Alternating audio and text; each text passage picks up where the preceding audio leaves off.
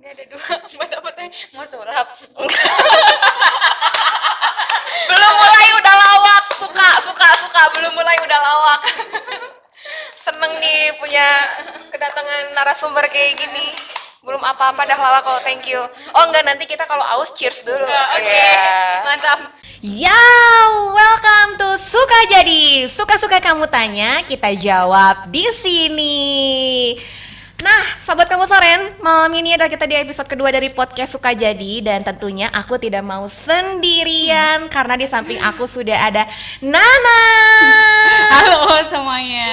Nana agak bingung ya, ini mau nyapanya antara orang tuh nggak lihat, sama di depan tuh ada kamera gitu. Betul sekali.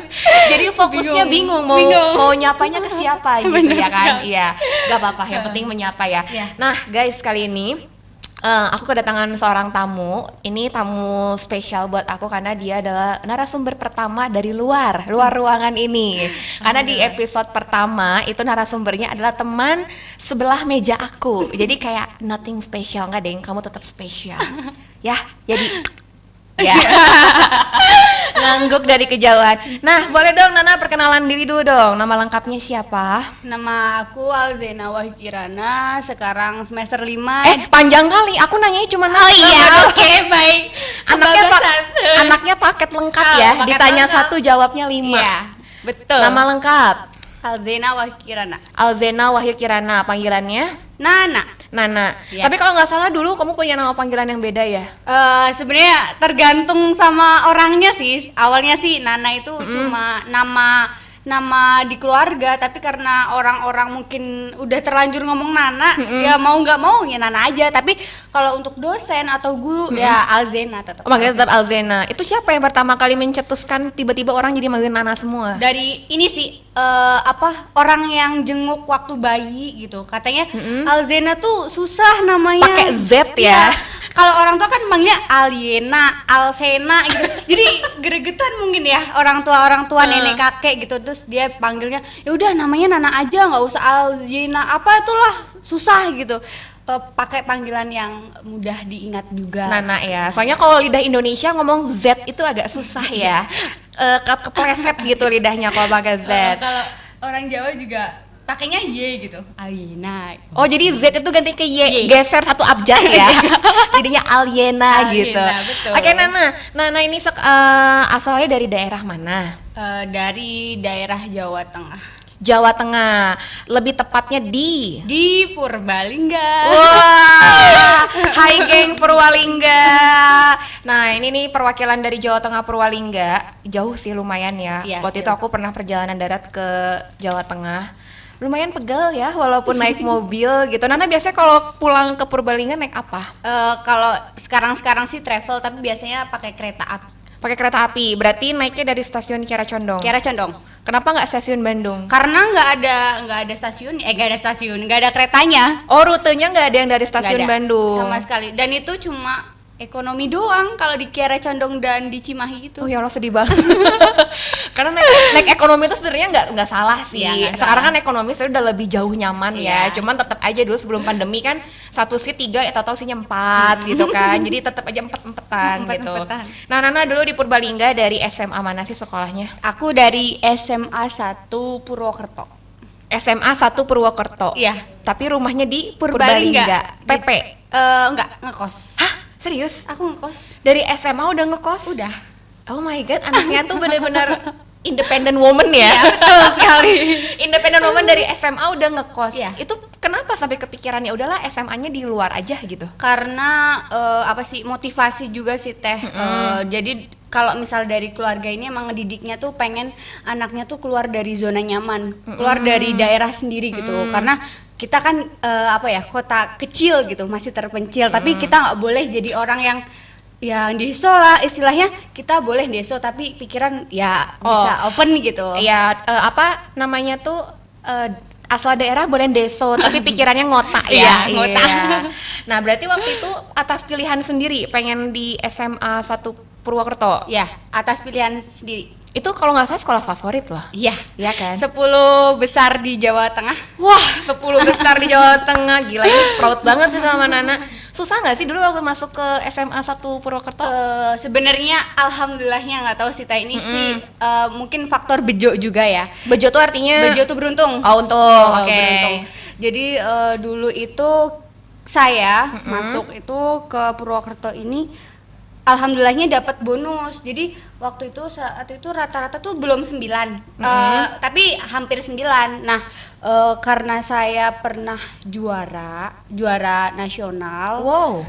musik tradisional tepatnya. eh, Juara nasional musik tradisional, oke. ya di nasional Mm-mm. Ke- saat itu 2014 di Jawa Tengah Mm-mm. di Semarang tapi itu udah nasional nah itu ketambahan tuh poin 50 50 apa sih eh, nilai ketambahan nilai 50 gitu. Mm-mm. jadi otomatis eh, yang tadinya dari 8 bisa jadi 9 lebih. Jadi kita tuh masuk dan itu tuh susahnya itu kuota luar gitu. Aku masuknya ke kuota luar Oh, karena dulu udah masuknya kayak sistem zonasi Ya, gitu ya. zonasi. Jadi diutamakan prioritasnya yang dari daerah Purwokerto, baru sisa berapa persennya dari luar. Ya. Eh, tapi tadi itu ada poin-poin. Berarti kalau mau masuk ke SMA Negeri 1 Purwokerto, itu kita ada tambahan poin-poinnya gitu. Misalkan nilai matematikanya 9, oke kamu nambah 10 poin gitu.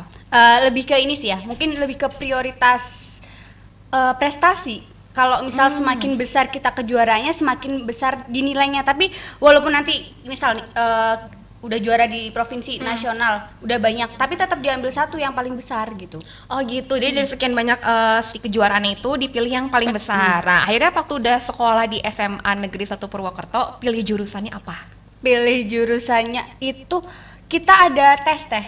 Oh dites dulu. dites Mm. nggak nggak cuma mau IPA IPS tapi kita dites nah ketika itu Mm-hmm. kelas 10 itu masih umum masih eh, tahap tes itu mau ke ke berapa ya? Pokoknya pertengahan di kelas 1 itu ada tes itu untuk penjurusan. Nah Mm-hmm. eh, kayak eh, tes tentang apa sih yang kayak umum-umum itulah. Tes ya tes pengetahuan umum ada Mm, matematika hitungannya mm, juga. Ya. terus psik- psikolog gitu kan. Psikotes juga ada. Psikotes oke. gitu. Nah itu tuh eh, ya bener-bener dites m- bu- nggak bisa milih kita. Hmm, jadi bener-bener sesuai dengan hasil kemampuan diri sendiri ya. Mhm. Jadi nggak ada tuh ceritanya kayak kalau dulu kan ya pemandangannya, eh, pemikirannya tuh kalau masuk IPA pasti sukses. Terus jadinya yang nggak ngerti IPA tuh maksain harus IPA gitu biar sukses.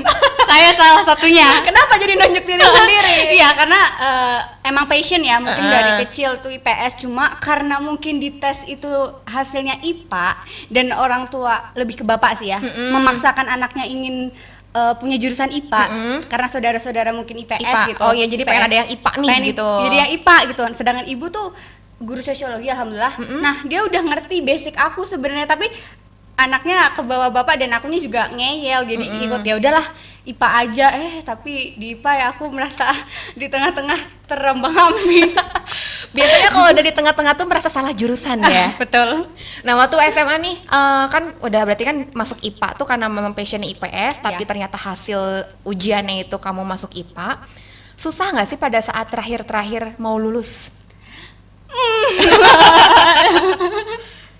aduh ya Allah teh Eh, kalau misal kerasa bangetnya itu Mm-mm. emang bener-bener di akhir sih. Makanya kayak ngerasa bersalah ngerasa nggak nurut sama ibu gitu kan. Ngerasa nggak eh, ngikutin apa kata hati gitu. Karena ya aku setengah-setengah gitu. Belajar IPA tuh malah waktu akhir-akhir tuh malah belajar IPS karena ya di akhir tuh pengennya jurusan-jurusan yang eh, IPS IPS gitu. Dan nggak klop emang bener-bener nggak klop. Jadi yang ngerasa ya bersalah itu tadi Jadi bersalahnya itu karena ya eh, ternyata di akhir jadinya tidak terlalu serius mendalami pelajaran yang di IPA. Mm-mm. Itu belajar IPS dalam rangka apa? Emang boleh? eh jadi eh, kan di akhir-akhir itu kelas 3 kan Mm-mm. pengen ya pengen melanjutkan ke jenjang kuliah tapi kan nggak terpaksa kan Iya. karena SMA udah ngerasa terpaksa ya udah eh, aku udah mau akhir-akhir eh, di semester akhir itu belajar IPS nggak tahu dibilang juga kenapa kamu anak IPA belajar IPS ya karena aku nggak mau lanjut IPA gitu itu definisi belajar dari pengalaman ya. Jadi karena SMA udah ngerasain kayak ah ini aku nggak bisa lagi nih kalau misalnya milih nggak sesuai dengan passion dan minat kita Ya. gitu. Akhirnya belajar IPS. Tapi hasil pada saat lulus SMA memuaskan nggak? Iya, ya harus dipuas-puaskan sih teh. Tapi emang Ah. dari keluarga itu nggak menuntut untuk nilai, tapi gimana Oke. kamu berproses. Jadi eh, bilang puas ya enggak, tapi ya ber- bersyukur aja lah, alhamdulillah. gitu. Alhamdulillah ya. Kalau misalnya disuruh milih nilai gede atau yang penting lulus?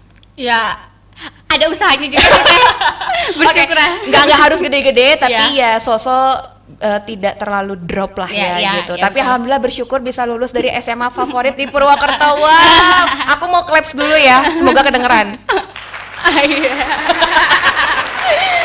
Ini tepuk, tepuk tangan meriah untuk Nana loh. Meriah banget. Meriah banget ya. Kayak berasa didengar seribu orang Iya. gitu. Di sini ada seribu orang. Ya, Nana sekarang nih statusnya masih sebagai mahasiswa. Masih Semester berapa? semester 5 Semester 5, jurusan manajemen logistik Manajemen Logistik S1 Manajemen Logistik Ya. di di Sekolah Tinggi Manajemen Logistik Steamlock Yeay. Indonesia. Nah ini kan dulu nih ya, nih ya, ini, ini pertanyaannya emang agak jelimet nih sebenarnya nih. SMA kan milih IPA, ya kan? Betul. Pas mau lulus belajarnya IPS, karena pengen ngejar jurusan kuliahnya yang eh, di luar dari ilmu ilmu ilmu IPA kayak matematika, biologi dan lain-lain. Mm.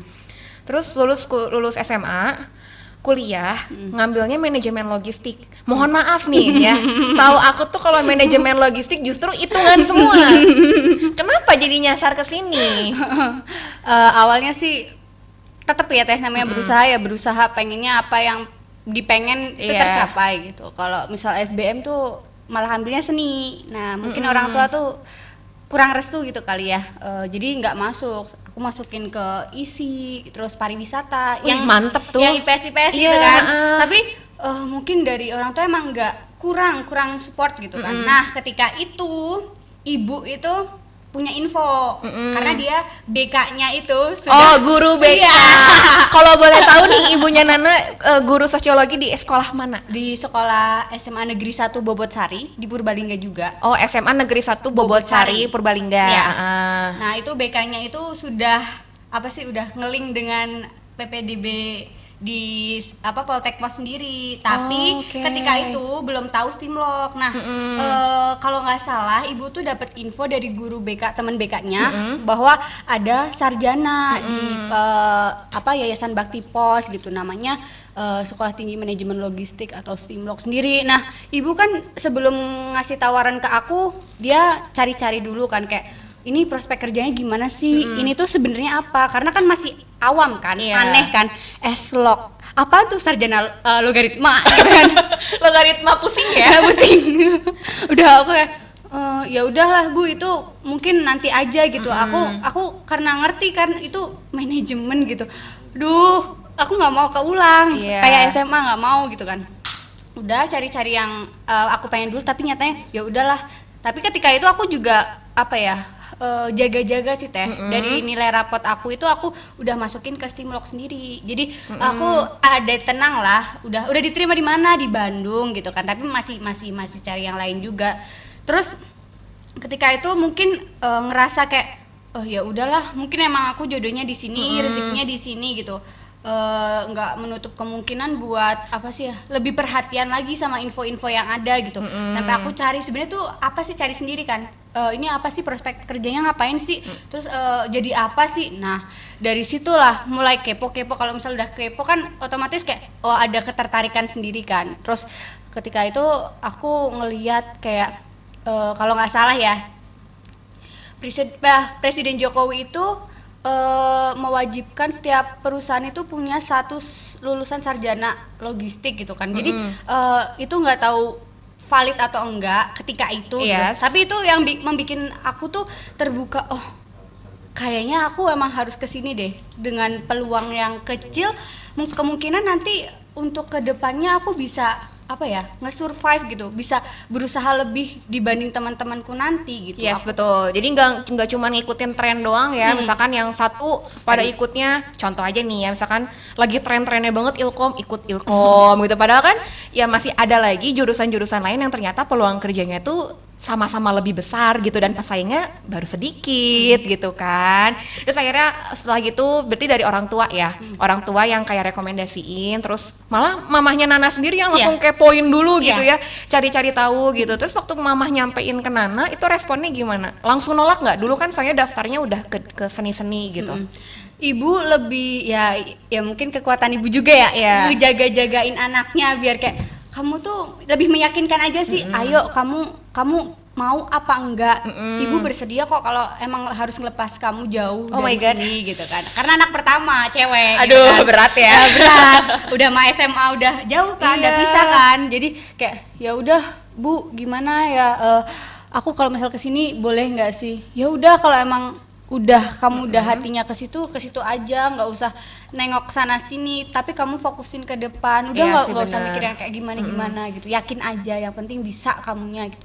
Ya udah bu ambil aja lah nggak apa-apa kataku. Mm-mm. akhirnya sejak itu aku udah tapi ada sih ada cerita masih dipaksa sama ayahku Oh iya, tadi, aku udah mau nanya gitu. Itu kan tadi pilihan ibu ya. Aku mau nanya ke ayah nih, karena kan ayah tuh dari awal pengennya IPA gitu. Pasti kan dia juga udah eh, ayah tuh udah mikirin nanti kamu lulusnya harus ke sini, nanti ke sini, ke sini, ke sini gitu. Betul. Dan ayah tuh bertolak belakang sama ibu gitu. Kalau ayah tuh gimana? kalau ayah itu pengennya aku ke stan Akuntansi. dan aku cry Serius sampai nangis? iya kayak ngerasa beban gitu teh. Takutnya karena kayak SMA lagi. Hmm, karena nggak pakai hati aku terpaksa dan aku ogah-ogahan ketika itu jujur aja. Jadi kayak disuruh daftar ya udah daftar gitu. Tes ya udah ikutan. Lolos. Ya udah, nggak lolos. Ya, udah. ya.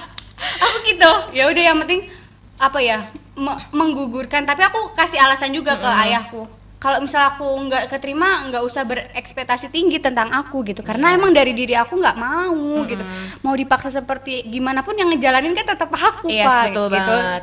jadi lebih ke pelan-pelan sih ngebujuk ngasih beliau. kasih pengertian ya gitu. Wala- walaupun maksudnya kayak kita nolak boleh tapi harus dengan pengertian. Karena kan orang tua juga pasti pengennya ngasih yang terbaik untuk anaknya.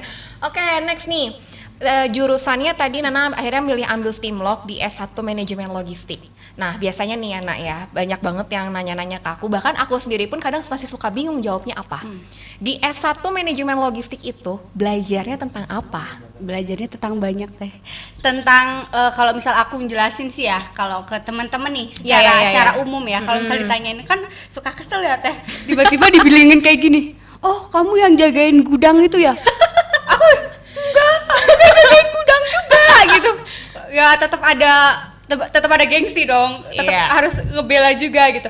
Eh jadi kalau misal aku ngejelasin ke teman-teman misal nih kamu nih ngelihat gudang terus kamu ngelihat mobil tuh misal dalam satu mobil ini eh, berapa sih eh, berapa hari dia nganterin dari kota sini ke kota sini Yes. terus eh, dia eh, bara bawa bawa barang apa terus kemudian eh, nanti di dalamnya itu eh, bahan-bahannya apa aja kayak gitu kan harus disusun kan Yes, bener banget. kalau misal kita emang berpendidikan dan emang eh, nge-manage itu kan harus bener-bener dari yang hal-hal kecil. Nah, aku jelasin kayak gitu penerapannya ke teman-teman. Terus kalau enggak misal nih kamu ke warung beli eh, makanan atau beli apa itu kan logistik buat kebutuhan kita. Jadi apa pun apa pun yang sebenarnya eh, di dunia ini tuh semuanya logistik perlu Bener, setuju banget. Tanpa disadari, kita tuh kayak tiap hari tuh udah ngelakuin kegiatan logistik gitu ya. Mm, jadi lebih ke ya mengumpamakan aja sih teh. Kalau misal eh, belajar ya belajar ya kayak packaging gitu. Terus gimana cara eh, mendistribusikan gitu-gitu sih. Tapi packagingnya ini beda sama eh, ini kan konsep packaging dari DKV. Mm-mm. Kalau packaging DKV itu kan dia ngedesainnya nih gitu kan, dilucu-lucuin Iya, warnanya menarik. ya pink gitu, eye catching. Tapi kalau misalkan packaging di logistik itu gimana? kalau di logistik sendiri kan tetap kita harus tahu ya teh kayak misal eh, ini kayaknya sih aku di matkul atas ya tapi aku tahu juga dari cutting-cutting itu tuh belajar kayak ya misal kamu punya gorengan nih gorengannya ini mau dibungkus pakai apa gitu Fotokopi rapot. kalau enggak bekas majalah. ya itu kan harus dipikirin itu lebih ke apa sih ya ya nilainya lebih ke kebutuhannya gitu biar ya pas sesuai gitu Nah, kalau misalkan ini benar nggak menurut Nana? Jadi eh, selama ini nih ya pemahaman aku tentang logistik itu adalah suatu kegiatan pemindahan barang dari satu tempat ke tempat lain dengan menggunakan moda transportasi yang efektif dan biaya yang efisien. Betul sekali. Karena eh, di perlogistikan ini kan semuanya harus efektif dan efisien sehingga nanti tujuan dari sistem apa ya atau perlogistikan ini tuh eh, apa lebih dan maksimal gitu. Karena kalau misalnya nggak ada logistik, apalagi di Indonesia ya, Indonesia ini kan negaranya kepulauan. Kebayang nggak sih kalau nggak ada logistik? Eh, aku jadi ingat waktu itu ada meme, tapi aku lupa lupa Iya, ingat iya. intinya tuh kayak gini. Eh negara maju dilihat dari sistem perlogistikannya. Kalau misal perang ya kalau misal nggak ada logistiknya dia akan mati. Bener. Iya. Karena nanti kalau nggak ada yang distribusiin alatnya, senjata, nggak ada yang distribusiin makanan buat tentaranya gitu. Kayak mana mau perang Iya, gitu kan? udah udah lapar duluan, udah matinya bukan mati karena perang, Oh, iya. matinya karena lapar. Lapar. Terus matinya bukan karena bertarung tapi ketembak duluan. Iya, betul. karena senjatanya senapannya terlambat Iya, gitu kan karena terlambat. ya itu tadi logistiknya penting. Iya. Nah, selama kuliah di Stimlog di S1 Manajemen Logistik banyak banget kan pelajarannya. Mm-mm. Mata kuliah selama ini yang pernah dijalanin dan yang paling kamu seneng Aku suka etika profesi. etika profesi ya. Why? Karena di sini aku lebih bisa nge-explore diri sih. Jadi kan aku suka gambar juga teh. Jadi ini baru tadi eh tadi atau oh ya tadi tadi tuh aku was was etika profesi. Ini tuh ya dia gambar-gambar terus dia tuh eh, soal-soalnya tuh apa ya lebih ke pendapat kalau pendapat kan nggak bisa kan kita disalahkan juga iya, gitu kan salah dan benarnya tergantung perspektif masing-masing. Mm, terus eh, di salah satu sisi karena dosennya tuh enak banget teh Siapa boleh di-mention nama dosennya? Bu Meli. Eh Bu Meli. Ya. Eh Bu Cede, Bu Cede, Bu Cede. Bu Cede, maaf. Ibu CD itu ibu Bu Chandra Oh, Bu Dewi. Chandra Dewi. Nah, sebetulnya nih aku dulu waktu kuliah tuh nggak dapat etika profesi sih. Hmm. Sebenarnya itu tuh tentang apa? Maksudnya kayak pengembangan dirinya tuh eh, lebih kayak apa sih? Apakah kayak jurusan psikolo psikologi gitu atau gimana? Eh, kalau aku lihat di sini sih ya emang basic dari dosen kan psikolog juga gitu. Mm-mm. Terus untuk penerapannya itu ya kayak etika gimana sih norma-norma atau nilai-nilai selama kita ada di dalam dunia pekerjaan, gimana cara kita bersikap, heeh. gimana kita eh, apa sih ya eh, menjaring jejaring sosial gitu kan. Kita di dunia pekerjaan kan keras ya. Kalau misal kita nggak wise, nggak bijak, kita nggak ngerti sesuatu untuk ke depannya ya bakalan hancur juga gitu. Jadi Iya untuk sih. persiapan-persiapan itu sih. Karena kalau misalnya aku bilang ke eh, teman-temanku yang mau kerja ya, dunia kerja tuh pilihannya cuma dua. Kalau nggak jatuh, jatuh banget. emang ya, emang ya emang tadi bilang kan ke dunia kerja tuh emang keras gitu. Makanya tadi berarti di etika profesi itu ini ya eh, kita tuh belajar tentang bagaimana nanti kita menghadapi pada saat kerja gitu. Karena suasananya kan pasti beda. Mm. Kita lebih banyak ketemu sama orang. Karakternya uh macem-macem dari yang eh, berakhlak sampai nggak ada akhlak gitu ya. Berarti Betul. serunya di etika profesi ya. seru. Nah, sekarang kebalikannya nih, mata kuliah yang menurut Nana ini paling sulit, bukan paling sulit ya, mungkin kayak boleh eh, boleh dibilang paling sulit boleh atau mungkin passion atau minatnya kurang atau kayaknya aku tuh pengen banget bisa ini tapi kok susah gitu. Eh, kalau misal aku lihat, aku sih belum ambil ya teh, karena aku udah pernah ambil itu retail. Nah, sedangkan di semester ini jadinya SCM. Itu sih SCM tuh eh kayak yang pendistribusian gitu, tapi dimasukin ke aplikasi gitu. Supply chain management. ya. Oke, itu SCM ya berarti yang eh, sebetulnya itu tuh bukan nggak tahu, bukan susah sih, tapi belum tahu aja itu tuh kayak gimana. Pema- lebih ke pemahaman gitu kan karena kita emang beneran baru kan otomatis kita cari referensi pun masih ya mungkin eh, kalau misal mau mirip-mirip sama eh, ini apa teknik industri gitu kan. Jadi kayak kita tuh masih sambil belajar cari sendiri juga gitu SCM, SCM, yang masih masih kayak eh, belum belum belum bisa.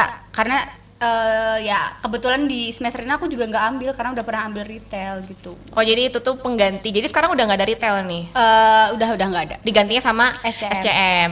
Oke next. Nah selama kuliah nih berarti udah tiga tahun belum? belum dong Dua tahun ada. Iya. Mau mau tiga tahun Mau tiga tahun ya, kan? kan semester lima Iya. Nah, berarti pandemi ini kan udah hampir setahun ya. Lama sekali. Ya ya Allah. Nggak tahu nih sampai kapan ya gitu. Tapi kan Nana nih aktif ya di kampus. Maksudnya kayak siapa sih di Steamlock yang nggak tahu Alzena? Aduh, Hmm, ya ampun kalau belum tahu kenalan dulu ya, biar tahu gitu. Nah di kampus nih eh, ikut kegiatan apa aja? Hmm, sekarang sih aktifnya eh, sekarang aku alhamdulillah diamanahin jadi ketua eh, Wasenda Wadah Seni Sunda. Kemudian aku juga handle di Kementerian Luar Negeri bagian wakil menterinya. Itu sih yang bener-bener pokok ya, yang sekarang bener-bener fokus dijalanin selama di perkuliahan gitu. Berarti Kementerian Luar Negeri ini di eh, organisasi apa? Eh, BEM, Badan BEM. Eksekutif Mahasiswa. Badan Eksekutif Mahasiswa. Oke, berarti dua kegiatan itu ya yang bikin eh, kayaknya sehari-hari Nana tuh kuliah jadi sibuk banget gitu. ya, sibuk, so sibuk. So sibuk ya, produktif, produktif. Produktif. Ya, bukan sibuk. Iya, Kita produktif. Nah, berarti kan tadi eh jadi ini ketua Wasenda, Wadah Seni, Seni Sunda. Sunda. Eh, tapi kan mbaknya dari Jawa Tengah. Mohon maaf. Mohon maaf gimana gimana ceritanya gitu?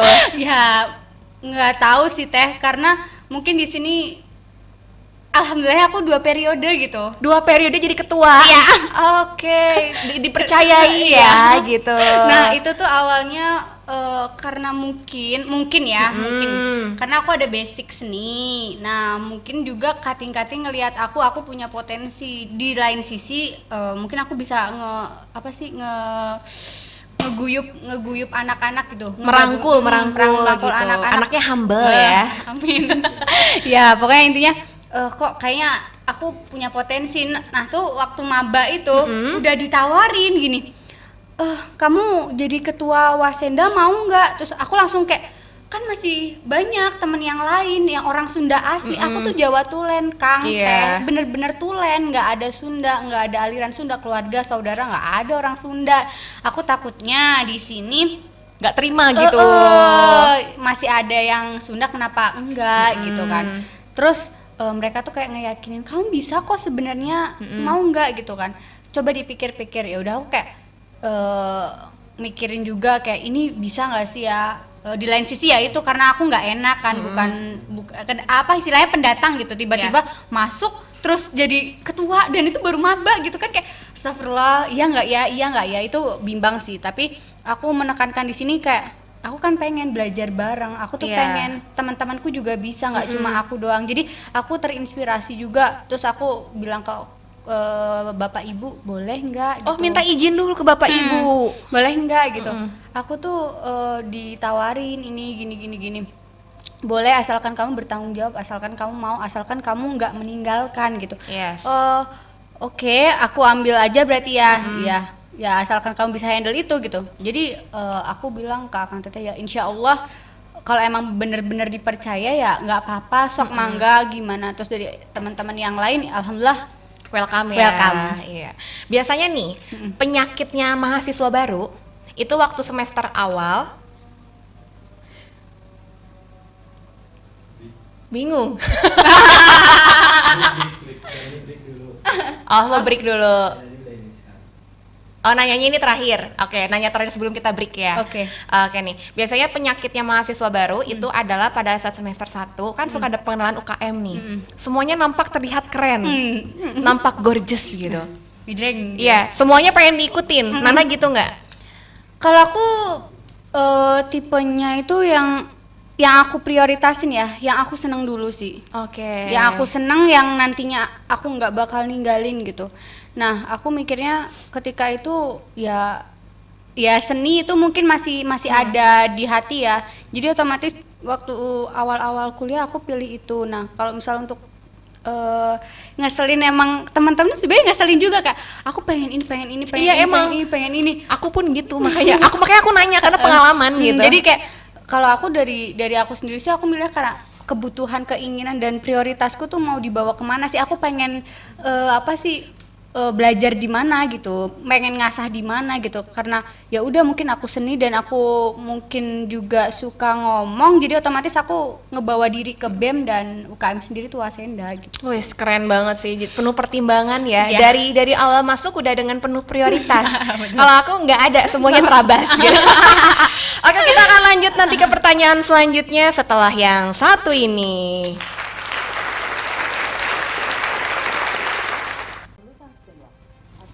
Yeah, welcome to Suka Jadi. Suka-suka kamu tanya, kita jawab di sini. Oke, kembali lagi dengan Nana. Ya, teh. Tadi kita akan, waduh, bentar ya. Mm.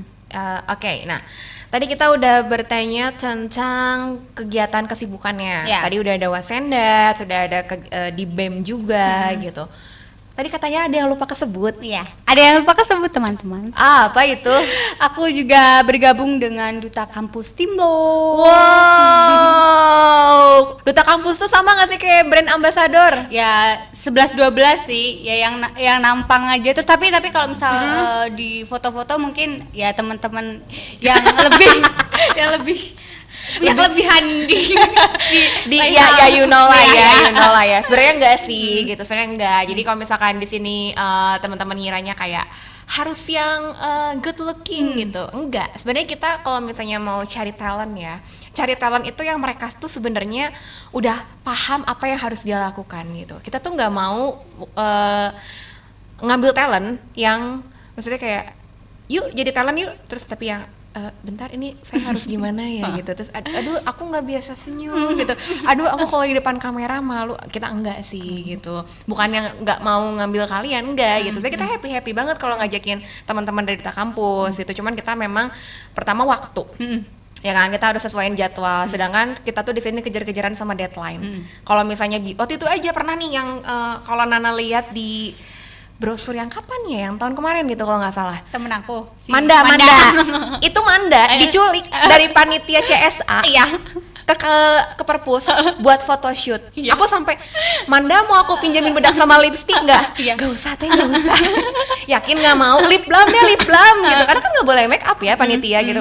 Enggak teh nggak apa-apa, udah rambutnya dikuncir ke belakang Iya. kan gitu. Tapi untung mandanya cantik gitu Iya. kan. Jadi ya cantik mah bebas Iya, lah. bebas, Iya. bebas. nah gitu maksudnya. Oke, next nih. Dari semua kegiatan kampus yang Nana lakuin. Berarti kan eh, setahun ada lah ya di kampus ini. Ada. Ada eh, dari awal maba sampai udah naik jadi kakak tingkat, punya adik kelas gitu kan. Momen apa sih yang paling berkesan selama kuliah di Stimlok? Kalau aku pribadi sih eh, suka kalau misal pergi-pergi gitu kalau diajakin teh Mega Kirain perginya mabal. enggak, Enggak ya. Aku nggak mabal kok teh. Iya, percaya kok, percaya. aku diajakin apa sih eh, sosialisasi tentang kampus ini bareng Teh Mega Hmm. gitu. Kemarin kita terakhir di Garut ya Teh.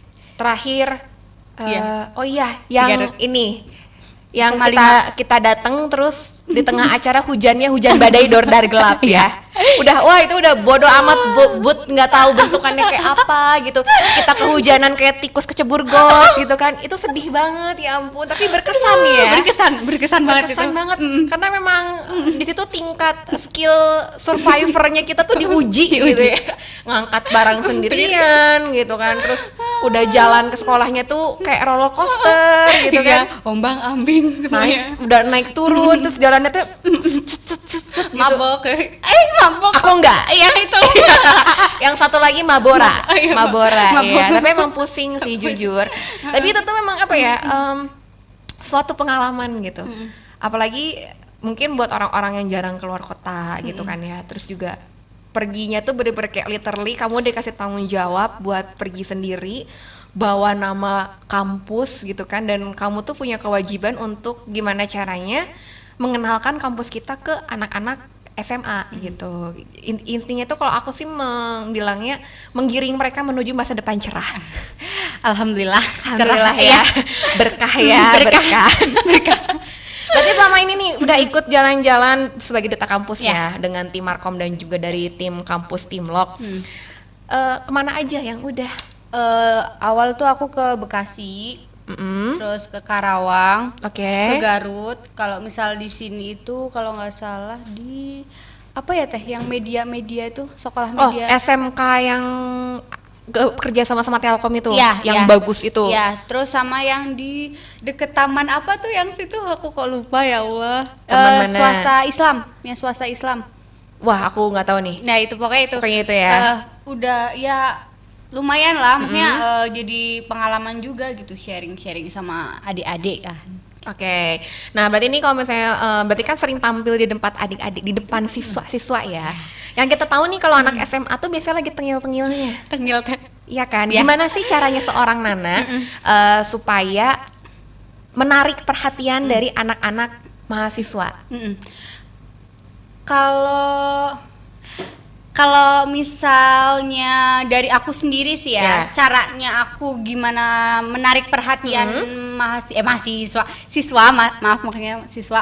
Itu tuh gimana kita cara opening juga gitu. Kita kan namanya berhadapan dengan siswa itu kan Yes. beda kan kayak kita apa dosen ngajar ke anak-anak gitu kan. Jadi Mm-mm. lebih ke cara komunikasinya aja sih kita maksimalin kayak oh kita tuh sebenarnya sama cuma beda berapa tahun lah? Tiga tahun dua tahun gitu ya. Kita pakai bahasa kita tapi eh, dengan halus gitu. Eh, ini jelasnya juga kayak eh, jelas tapi mereka juga nangkep. Dan mereka tuh tertarik dengan apa yang kita omongkan gitu sih. Yang jadi eh, poin di sini ya lebih ke komunikasi atau bahasa kita menyampaikan ke mereka gitu. Terus kalau misal eh, tips atau trik dari aku sendiri sih Yes. eh, ini diem dulu. Kalau misal mereka nggak ada yang perhatian aku diem dulu. Oh, jadi nunggu. Mm-mm. Jadi nggak teriak-teriak yang eh, be quiet please gitu. Mm, Nggak ada nggak, ya. nggak. Makanya Nana diem di depan sebelum mereka nunggu diem Ya. baru ngomong. Mm-mm, terus Oh, eh, aku bilang kayak gini.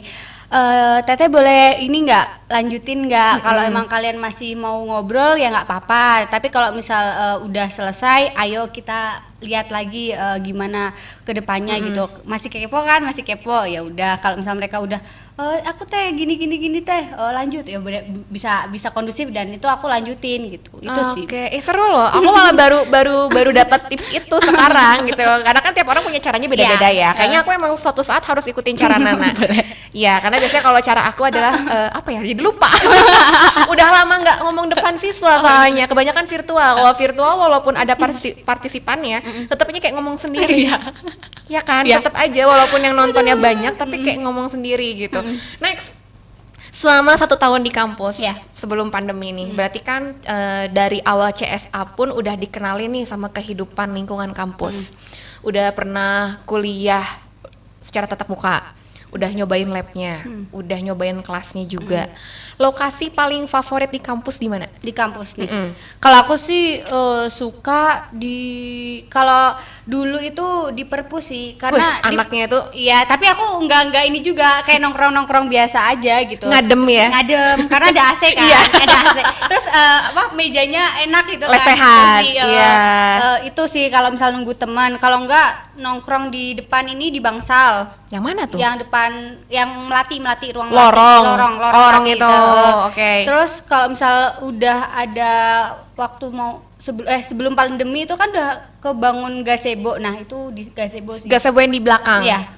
Itu tuh gazebonya untuk UKM apa aja sih? Atau buat himpunan apa? Oh, gitu? kalau misalnya yang gazebo belakang itu untuk himpunan teh. Oh, himpunan, Ya, sekarang. ah. Tapi kan di situ ada student center ya di belakang itu. Kalau itu tuh kurang sih kalau kami-kami itu ya di gazebo ya kalau banyak yang nongkrong sih di gazebo himpunan tapi karena aku bukan anak himpunan Mm-mm. ya paling aku nongkrongnya di gazebo yang dalam sama ini sekre bem Sekre BEM ya. Sekre is my second home. Iya, Iya. betul betul sekali sampai Nah, malam berarti nih eh, jadi ketua Wasenda sebagai ketua di Wadah Seni Sunda. Mm. Eh, selama dua tahun menjabat ini apa sih yang sudah dicapai oleh Wasenda? Hmm, alhamdulillah eh, di di dua periode ini kemarin Mm-hmm. yang terbaru ini Wasenda ini sudah mengadakan eh, uh, mengadakan Mengadakan wow, Oh, wow. konser nih jangan-jangan. nggak eh, lomba sih lomba sajak seni Sunda se-Jawa Barat untuk SMP MTS SMA MA SMK Oke. Se-Jawa Barat. Sejawa Barat. ya Hasilnya hasilnya alhamdulillah yang ikutan kami itu ada 56 orang Wow, Itu banyak ya. online. Itu sesu eh, apa ya? eh, kalau dikategorikan untuk perlombaan online, itu tuh banyak banget 56. Iya, karena target karena dari target kami itu sebenarnya 20 20 mungkin udah cukup gitu ya Iya. karena mikirnya ma- maca sajak Sunda kan eh, belum terlalu maksudnya ya awam gitu mungkin ya. Tapi kenyataannya bisa sampai 56 berarti kan dua dua kali lipat Iya, lebih benar, benar, kan. benar, eh, itu sih yang paling paling terbaru dan kita alhamdulillah walaupun UKM masih kecil gitu ya istilah udah bisa eh, mengadakan lomba. Kemudian di lain sisi Wasenda ini kemarin di wisudaan kita itu udah bisa jadi pengisi. Wah, pengisi keren banget. Aku pengen keprok lagi. keren loh itu. Jadi gini ya teman-teman ya, teman-teman sobat kawas Orean. Jadi waktu wisuda Steamlock online ya. Eh, yang kemarin waktu kami itu 2000 Oh, nggak online enggak, ya? enggak. Yang teteh waktu itu bilang ke aku, "Nana Iya. ngapain?" Nah, gitu. jadi waktu itu tuh wisudanya masih eh, secara tatap muka. Nah, terus aku ketemu Nana nih di depan karena kan ruangan kantor aku tuh di atasnya auditorium. Jadi kalau ada acara-acara gede tuh pasti kelihatan nih orang-orang lalu lalang gitu. Terus aku lihat Nana, kok Nana nih seliweran terus gitu. Naik turun ke audit aku nanya, "Nak, panitia wisuda ya?" Bukan teh, ah bohong. iya bener bukan. MC ya? Enggak kok bukan. Lah terus jadi apa gitu? Rahasia deh nanti lihat aja. Kata itu tuh aku kepikiran loh kayak ini Nana jadi apa gitu. Ternyata wah pada hari H Nana tampil di sana gitu kan eh, sebagai pengiring wisudanya. Itu latihannya lama nggak? Aduh, alhamdulillah ya ini sih namanya juga kerja tim ya teh. Mm-mm. Aku tuh nge, nge, nge- bikin motivasi buat teman-teman tuh kita tuh bisa loh. Nah itu kok eh, di calling sama kampus itu Mm-mm. akhir Desember kalau nggak salah. Yes. Kami kan maksudnya berjuang gitu ya, biar kita tuh goals gitu. Karena itu salah satu goalsnya cutting apa tujuan cutting cutting buat kita bisa masuk ke wisuda. Tapi dari dulu tuh belum bisa masuk gitu kan. Aku ngeyakinin tuh kami kami ini eh, yang handle di Wasenda tuh ngeyakinin Pak bisa bisa gitu kan. Ketika itu lobby lobby dengan Pak eh, apa Johan. Oke Pak Johan, thank you ya. Pak Johan, terima kasih. Eh, bilang lah eh, Wasenda gitu kan eh, bisa nggak buat ngiring? gitu sama Pak Dimas juga. Terus ada tuh panitia masuk ke atas kan eh, kepanitiaan. Aku bingung teh, aku jadi panitia atau jadi eh, apa? bagian pengisi? Karena di Yes. situ masih ya proses lobby kan. Beneran Wasenda mau dimasukin nggak sih? Beneran ada nggak sih? Atau cuma ngomong doang? Kan takutnya kayak gitu. Kan kita juga harus prepare tapi karena ya bantuan wakilku juga pasanganku juga si- Oh, boleh di mention namanya. si Halo. Algi ya. Karena si Algi itu alhamdulillah berdua gitu masuk ke atas gitu. Jadi kita bisa bagi dua. Dia jadi kepanitiaan narah hubung dari Wasenda yang lindungin Wasenda yang megang Wasenda. Aku yang bagian nge- Nge-handle Eh, keseluruhan anggota ya, Wasenda. untuk jadi pengisinya. Oke, mantap juga ya Itu- kolaborasinya. ya itu kita latihan kan wisuda itu Februari awal. Iya. kita dikasih waktu satu bulan. Dan itu pure anaknya semua belum ada yang maksudnya belum ada yang bener-bener pegang. Pegang Jadi- alat, iya. alat musiknya itu. iya jadi Wow. bener-bener ya mau nggak mau kita harus bisa gitu. Eh, kalau misal nunggu teknik itu ya latihan dari nol itu bakalan lebih sulit. Tapi kita yakinin aja kita bisa kok. Yang penting kita ngeharmonisin diri dulu mau dulu gitu Iya. kalau misal kita mau nanti bisa kok ke depan insya Allah bisa lah nah dalam waktu sebulan itu bolak balik ke Itenas teh Kenapa ke Ah, Itenas? karena gamelan atau karawitanya ada di Itenas Oh, karena di sini alatnya belum ada, jadinya kalian latihan ke Itenas. Ya, betul. Ya, jauh loh. jauh Iya. butuh pengorbanan memang segala Wah, sesuatunya mantap kali ya. Sebuah kesuksesan itu tidak terlepas dari sebuah usaha ya. betul. Iya. Gak akan mengkhianati kok Nah, next nih. Mm-mm. Selama satu tahun di kuliah di Steamlock, Mm. eh, tepatnya tinggal di kota Bandung, Ya. alias Jawa Barat. ya Berarti kan eh, apa ya kayak variasi-variasi menu makanannya tuh berbeda dengan Jawa Tengah. betul sekali Iya, rasanya tuh biasanya yang aku tahu ya kalau orang Jawa Tengah atau orang Jawa tuh sukanya lebih ke rasa manis. betul sekali Tiba-tiba masuk ke Bandung dikasihnya asin dan pedas. Iya. Apa makanan favoritmu di Bandung? seblak Cewek tuh emang nggak bisa lepas dari seblak ya. Seblak. Iya, padahal cowok tuh cowok kalau ngeliat seblak tuh kamu ngapain sih makan kerupuk direbus gitu. Padahal ya Allah mereka tuh nggak tahu Nggak- tahu ya. Nggak tahu. Duh, itu, apalagi kalau hujan uh. Hujan seblak panas. panas. Beh. Buh, telurnya bun Iya kan bumbunya itu loh. Selain seblak. Selain seblak, kalau misal di eh, sekitar sini mungkin eh apa ya? Yang nggak ditemuin di Purwokerto. Mochi sih, mochi sih. Mochi. Mochi. Mochi apa? Mochi. Mochi bukannya dari Bandung gak sih teh? Bukan. Oh iya, bukan. Mochi itu dari Sukabumi. Oh iya. Iya, tapi emang Jawa Barat iya mochi. Iya. Yang isinya kacang itu kan. Apa ya? Bentar. Bandung kok aku jadi Jadi lupa. jadi lupa ya. Mau makan apa ya? Hmm, oh, kalau misal sate marangi juga Sate bukan Marangi Purwakarta. tuh kan. Aku takut salah jawab deh kalau Bandung tuh apa? Teteh Bandung tuh oke, aku kasih eh, suggest ya. Eh. Ada cuanki, Hmm. terus ada lotek, Hmm. terus ada bandrek, bajigur, ada bandros, terus apa lagi ya?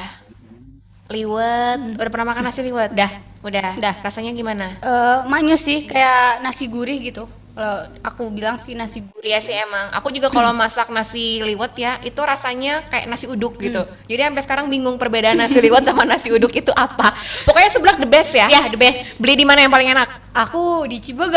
Yang mana? di Cibogo di bawah itu. Teh, yang pasar, pasar. Pasar ya, tahu, tahu, tahu. Pasar itu kalau teteh turun itu nanti ada di deretan pasar itu ada eh, seblak gitu. Seblak kalau nggak salah seblak apa ya Apa ya gitu. namanya? Itu Oh, ini di situ. Ya, di situ ada. Nanti aku Gede. coba deh. Itu enak kok serius. Daripada yang di TikTok TikTok ya, aku, yang aku rasa yang Hmm? aku juga udah pernah coba eh, seblak sultan gitu. Ternyata emang eh ya udah. seblak seblak sultan enak gak sih? Eh, kalau kataku ya, Iya. daripada Cibogo enak Hah? Cibogo. Tetap enak Cibogo sih. Karena lebih kental dia dia ngeracik ibunya tuh ngeracik kalau misal si sultan ini dia Hmm. tuh campurannya banyak, cuma itu kurang rasanya tuh kayak Nggak keluar kurang- gitu nggak- ya. nggak greget gitu lah. Oke, padahal aku penasaran banget sama seblak sultan sih, karena katanya kan pedesnya tuh pedes banget, Banget, gitu. heeh. Emang pedes tapi Eh, pedes banget sih, eh, pedes. Banyaknya itu sih kalau misal aku ngerasa buat kelebihannya dari Hmm. sultan nih banyaknya itu isi loh. porsinya lebih banyak. Tapi buat apa Komplit. banyak kalau ndak enak ya? Iya. Next nih. Berarti sekarang udah semester lima. 5. Kita kan kalau S1 tuh sampai semester 8. Ya. Udah punya bayangan gak sih nanti lulusnya pengen jadi apa? Ada sih teh. Apa tuh? Kalau aku sendiri sih tetap sih eh, walaupun aku seorang wanita ya. Iya, teman-teman. oke. Aku pengen Aku wanita.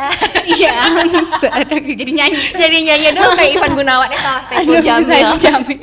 Apa apa gimana? Eh, eh, aku punya bayangan tuh nanti eh, aku bisa jadi seorang eh, wira swasta gitu. Ah, amin. Amin.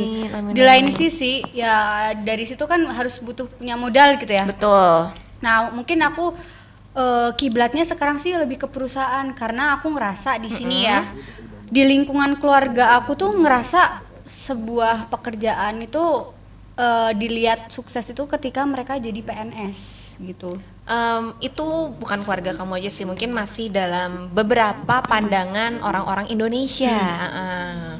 Dia ngerasa kayak ya pengen ngubah lah maksudnya nggak nggak melulu tentang PNS kok Yes, walaupun benar. kalau kalaupun kamu emang bertalenta dan kamu punya potensi kamu bisa lebih dari itu gitu Yes, nah aku kiblatnya di sini ke lebih ke perusahaan tapi kalau untuk tuntutan bukan tuntutan sih harapan dari orang tua sih minimal sih punya itu punya usaha di dunia perlogistikan gitu Ih mantap.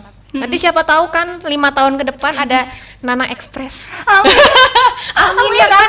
Nana Express atau Iya. misalnya eh, kalau nama lainnya apa ya? Eh, apa Zena Logistik. Zena Iya. Logistik Zena Logistik boleh Zena Logistik itu nanti udah ini yang kelihatannya bukan di kurir-kurir motor lagi, udah di truk. amin ya Allah di amin, wishlist. amin ya wishlist ya. Iya.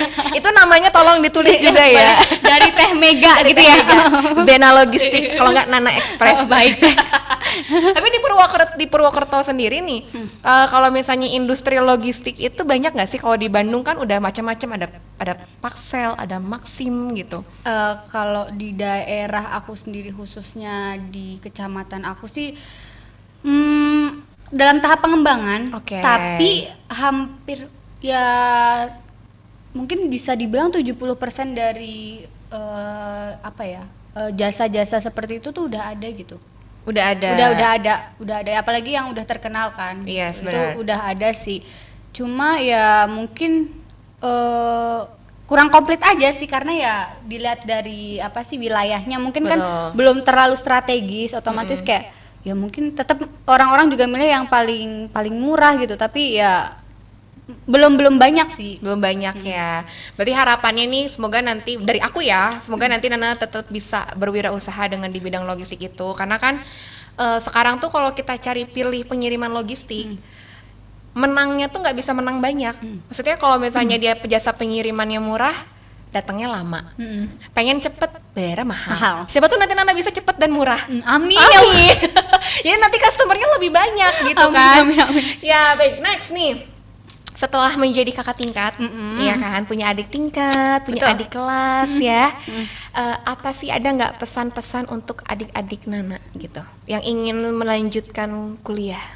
Ya, kalau dari aku sendiri sih eh, pesannya tuh lebih gimana ya?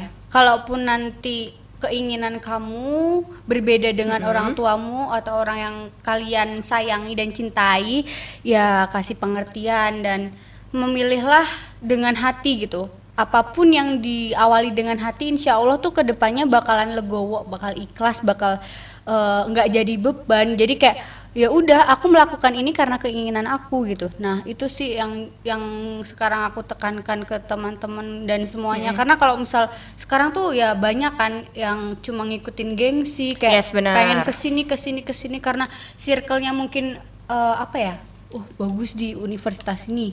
Oh ini jurusnya bagus. Tapi emang kalau emang diri sendiri nggak berkembang ya untuk apa? Yang jadi yang jadi patokan di sini kan individunya. Nanti bakalan di eh, pekerjaan juga yang dilihat tuh skill dari pribadi kan. Jadi lebih ke tekanin diri sendiri lebih care sama diri sendiri. Biar apa? Biar nanti ke depannya ya itu. Insya Allah apa pun hasilnya kalau memang pilihan sendiri tuh ya lebih lebih enak gitu. Yes. Kita juga lebih bertanggung jawab ya. Betul sekali. Oke deh Nana dan aku sih yang paling suka aku kutip dari Nana itu adalah kita harus bisa bikin priority list. Mana sih keinginan kita, mana yang hanya butuh, mana yang pengen gitu dan ketika itu udah jadi prioritas kita, udah jadi tujuan kita. Apa pun langkah yang kamu ambil itu harus menuju ke sana Betul. gitu ya. Jangan melenceng, jangan kamu pengennya jadi A tapi yang kamu ambil B, C, D. Nanti nggak akan nyampe-nyampe. Betul. Gitu. Oke, kalau gitu Nana, terima kasih banyak. Sama-sama, Teteh. Sudah hadir di podcast kita. seneng aku diajakin podcast Aku yang seneng banget ya, karena kita udah lama nggak ketemu kan, ngobrol cuma di Insta Story doang, Iya, betul. replay replayan. Ya udah aku undang aja sekalian. Betul. Sekali lagi thank you Nana ya. Iya. Semoga nanti kuliahnya uh, semakin lancar, semakin sukses, Amin. bisa lulus tepat waktu Amin. dengan hasil yang memuaskan dan cita-citamu tadi yang sangat mulia tercapai. ya semoga teteh kembali juga ya teh Kembali apa? Kembali, Kembali. Fitri. Lebaran dong. kembali apa yang didoakan ke teteh kembali ke teteh juga Amin. sukses semuanya Yes. podcastnya lancar jaya Eh udah dong. Wah produsernya telat ya. Produsernya tadi bilang pesan untuk maba. Ih udah dari tadi mas. Oke kalau gitu adik-adik deh semuanya yang nonton di sini sobat kampus Oren. Terima kasih banyak sudah dengerin kita di episode kedua ini bersama Alzena. Sampai ketemu lagi nanti kita di episode selanjutnya dengan narasumber yang tentunya lebih kece lagi. Terima kasih banyak. Bye bye. bye